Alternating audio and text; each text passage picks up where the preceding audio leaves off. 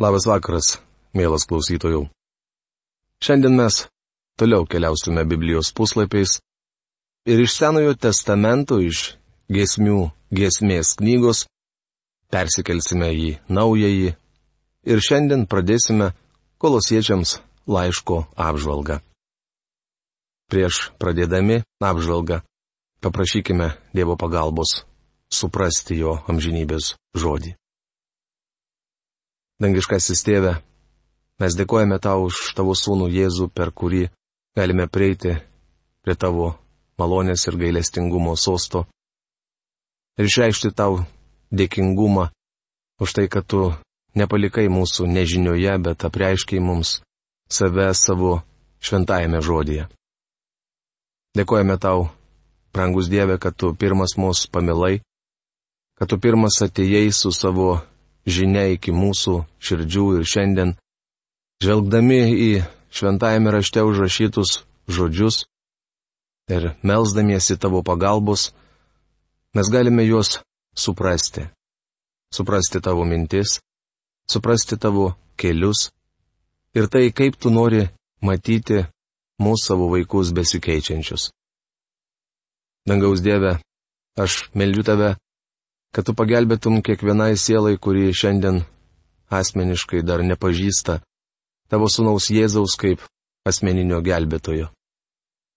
Prašau, kad šį vakarą tu prabiltum į kiekvieno žmogaus širdį. Ir to meldžiu Jėzaus vardu. Amen. Taigi laiškas kolosiečiams. Pirmoje šio laiško eilutėje rašoma, kad jo autorius yra apaštalas Paulius. Tai vienas iš laiškų, kuriuos Paulius rašė kalėdamas Romoje. Kalėjime be laiško kolosiečiams apaštalas dar parašė laišką Efeziečiams, laišką Filipiečiams ir labai asmenišką laišką Filemonui. Laiškas kolosiečiams datuojamas maždaug 62 metais po Kristaus atsisveikinę su apaštalu Pauliumi, keturi pasiuntiniai paliko Romą. Nors kiekvienas nešėsi labai vertingus dokumentus, tačiau jų nelidėjo jokia apsauga. Efezo bažnyčiaus pastorius arba vyresnysis Tichikas gabeno laišką Efeziečiams. Filipų bažnyčiaus pastorius Epafroditas nešė laišką filipiečiams. Epafras gabeno laišką kolosiečiams. Tikriausiai jis buvo kolosų bažnyčiaus vyresnysis. Pabėgęs vergas Onesimas, apaštalo Pauliaus laišką turėjo perduoti savo šeimininkui Filemonui.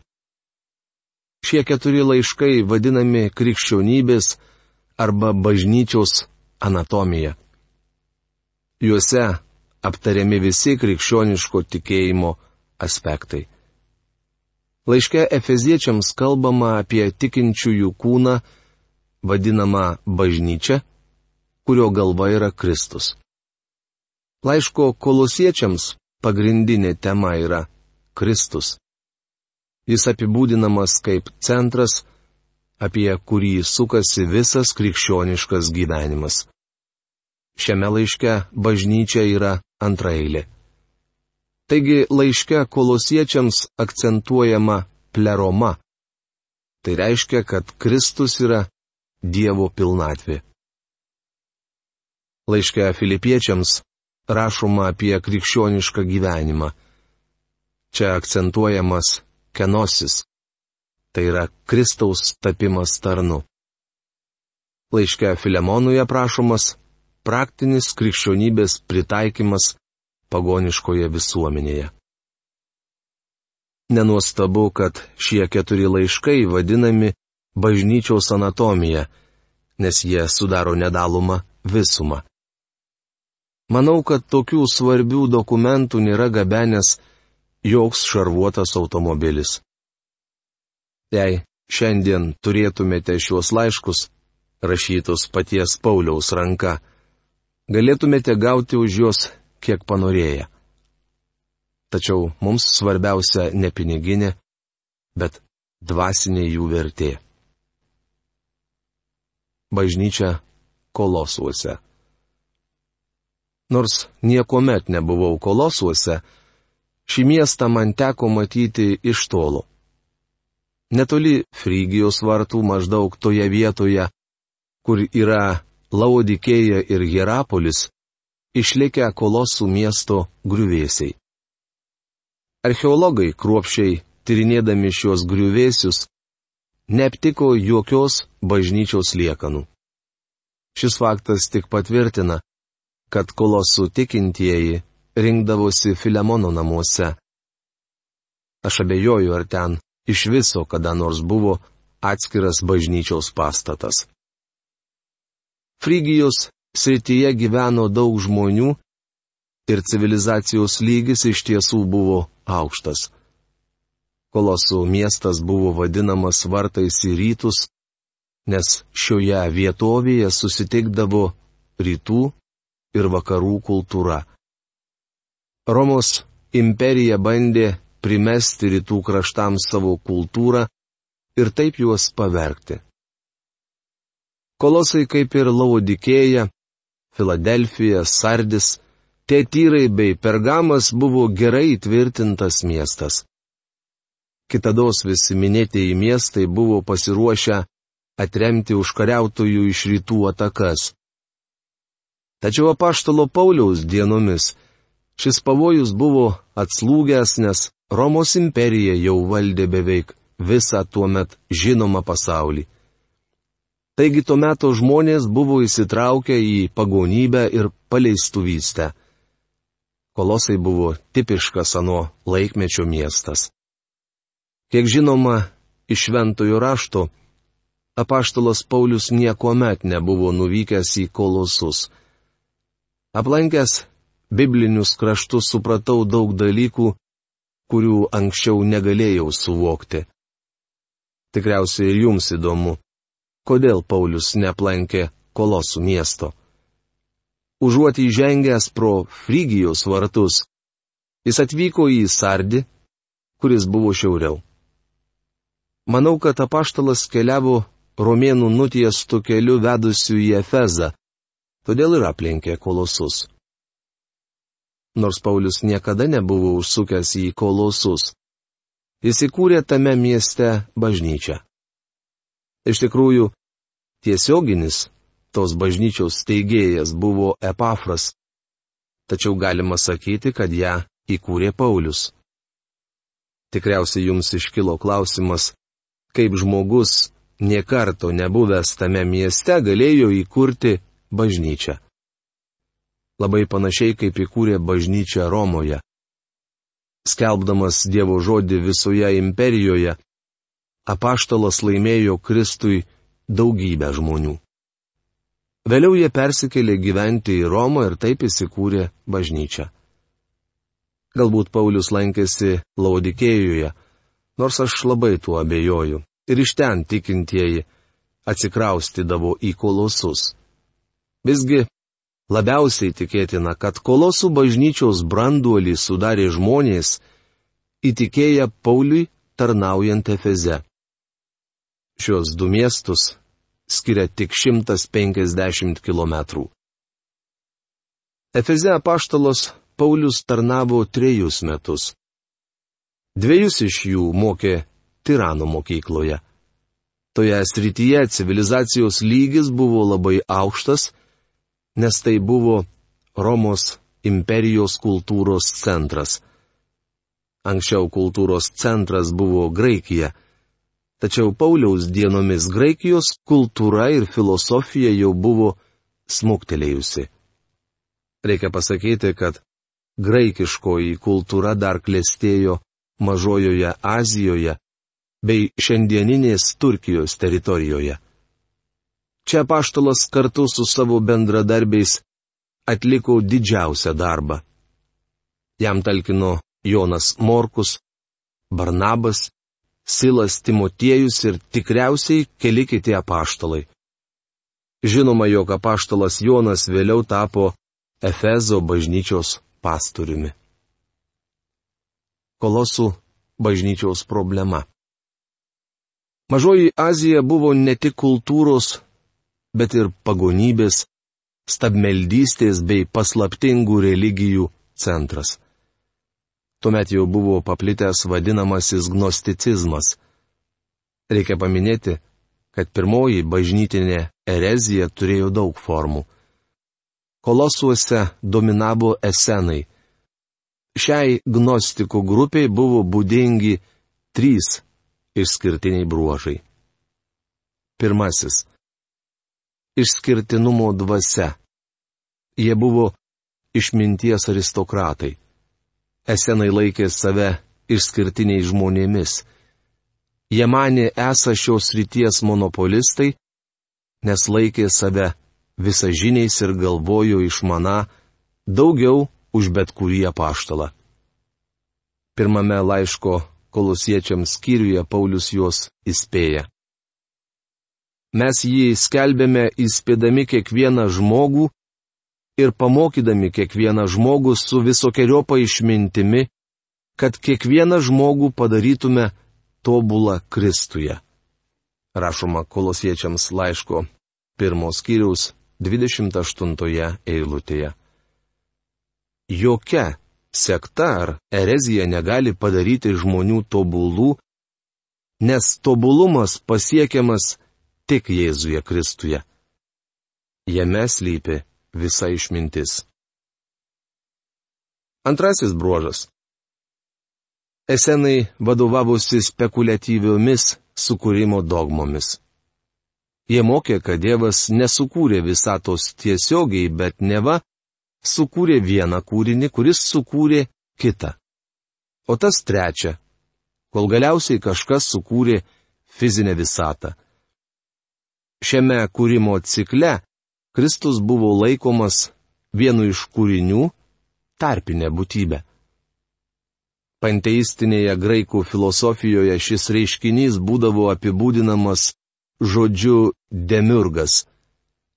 Tai Dievas, kuriantis pasaulį iš amžinai egzistuojančio pirminio chaoso ar prado.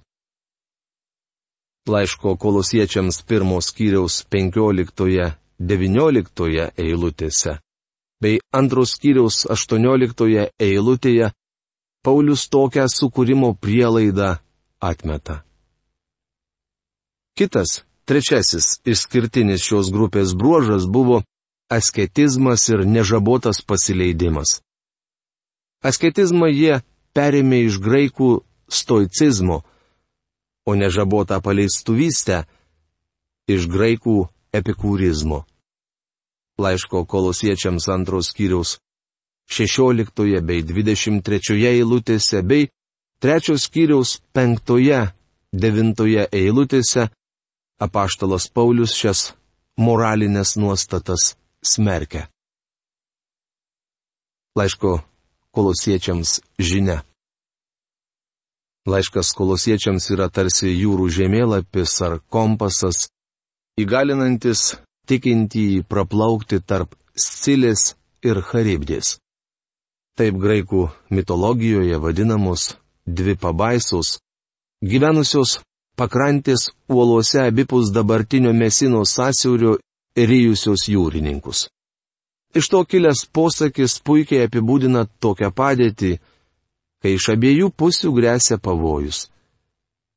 Krikščionys neturėtų užmiršti, kad jiems nuolat grėsia pavojus paversti krikščionybę tam tikrą formą ar ritualu.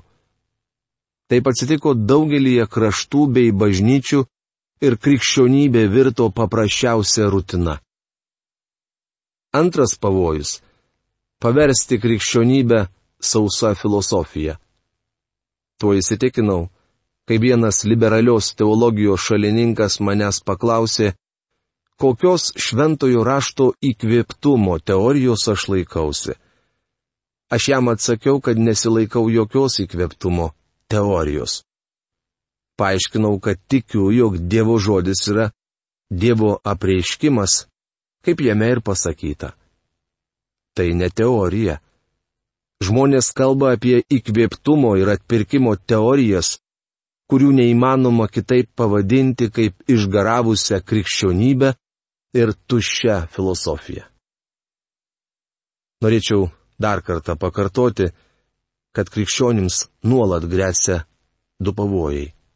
Pirmasis - sustingti į ledą ir tapti apeiginę bažnyčią. Antrasis - išgaruoti ir būti nuneštam liberalios teologijos bei melagingų filosofijų mokymo vėjų. Prisimenate, viešpats Jėzus sakėsi esas gyvybės vanduo.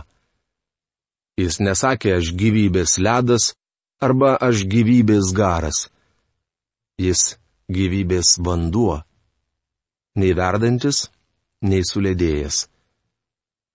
Apaštalas Paulius laiško kolosiečiams pirmos skyriaus 27 eilutėje rašo. Kristus jumyse garbės viltis. Kristus turi gyventi jumyse, vaikščioti miesto gatvėmis, kuriomis vaikščiojate jūs. Žodžiai ir nuo jų nesiskiriantys darbai turėtų liudyti, kad mumise gyvena Kristus. Nuo seniausių laikų grėsia pavojus, ką nors nuo Kristaus atimti ar ką nors pridėti.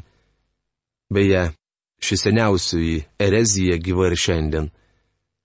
Krikščionybė nėra matematinis sudėties ar atimties uždavinys. Krikščionybė tai Kristus. Laiško kolosiečiams antros kiriaus devintoje eilutėje apaštalas moko. Juk Kristuje kūniškai gyvena visa dievystės pilnatvė. Kitai žodžiai tariant, jame gyvena visa pleroma. Jums te reikia būti Kristuje Jėzuje. Norėčiau pacituoti Viljamo Sandei komentarus. Laiške Efeziečiams mūsų dėmesys sutelkiamas į bažnyčią, o Kristus vaizduojamas kaip bažnyčios galva. Laiške kolosiečiams mūsų dėmesys sutelkiamas į Kristų, o bažnyčia vaizduojama kaip Kristaus kūnas. Šiame laiške dominuoja mintis, kad Kristus yra viskas, ko mums reikia. Čarlzo Veslio giesmėje yra žodžiai. Tik tavęs man Kristau reikia, viską tavyje randu. Čarlzas Perdžianas rašo, matydami savo niekingumą, nusižeminkite. O žvelgdami į Jėzų, didį savo atstovą danguje, džiugaukite. Jums nereikės taip dažnai graužtis, jei išmoksite matyti save jame. Kitai žodžiais tariant, jei suprasite, jog esate priimtinas mylimajame, kuris jums yra viskas visame kame. Neseniai gavau vienos brangios ponios laišką. Ši 80-metė moteris nebesitikė ilgai gyventi žemėje, tačiau ji ilsisi Kristaus meilėje ir atleidime. Bičiuli, geresnės atilsio vietos nerasite. Jei ilsitės jame, netlikinėsite ritualų, nesisuksite kaip voverė rate, neaptarinėsite įkvėptumo teorijų. Arba jūs tikite, kad Biblija yra Dievo žodis, arba netikite. Liaukitės vaikytis intelektualumo, nieko iš to nebus. Pradėjęs pastoriaus tarnavimą bandžiau būti labai protingas. Tačiau vienas vyresnysis, atėjęs pas mane apie tai pasikalbėti, pasakė. Mums geriau, kad tu būtum tikras Vernonas magi, o nemėgdžiotum kitus. Matote, aš bandžiau pamėgdžioti intelektualius vyrus, kuriais žavėjausi. Nedarykite to, bet būkite savimi. Nusileiskite ant žemės. Prisiminkite, kad viešpats Jėzus maitina avis, o ne žirafas. Pagrindinėje laiško kolosiečiams dalyje rašoma apie Kristų, Dievo pilnatvę pripildančią tikinčiųjų gyvenimą. Šiandien reikia sudaužyti alebastrinį kvapnaus tepalo indą. Pasaulis turi ne tik kažką išvysti, bet ir kažką užuosti. Šiandien užterštas pasaulis kleidžia nemalonų kvapą. Mums reikia Jėzaus Kristaus aromato ir grožio. Tik bažnyčiai leista sudaužyti alebastrinį kvapnaus tepalo indą ir paskleisti malonų aromatą. Mielas klausytojau, tad tokia įžanga. Šios dienos laidą norėčiau užbaigti perskaitydamas šios knygos planą. Žinau, kad tarpe jūsų yra žmonių, kurie konspektuoja ir įsirašo, kad galėtų studijuoti. Todėl tiems, kam įdomu, paklausykite. Pirma romėniškai - doktrininė dalis. Kristus - Dievo pilnatvė, kitaip pleroma. Pirmas, antras skyriai. Pirma - įžanga pirmos skyriaus pirma aštunta eilutės. Antra - Pauliaus malda, pirmos skyriaus devinta keturiolikta eilutės. Trečia - Kristaus asmuo, pirmos skyriaus penkiolikta devyniolikta eilutės. Ketvirta - Objektivus Kristaus darbas dėl nusidėjėlių, pirmos skyriaus 20-23 eilutės. Penkta - Subjektivus Kristaus darbas dėl šventųjų, pirmos kiriaus 24-29 eilutės. Šešta. Kristus yra atsakas filosofams. Antras skyrius 1-15 eilutės. Septinta. Kristus yra atsakas tiems, kurie laikosi apieigų. Antros skyriaus 16-23 eilutės. Antraromėniškai praktinė dalis.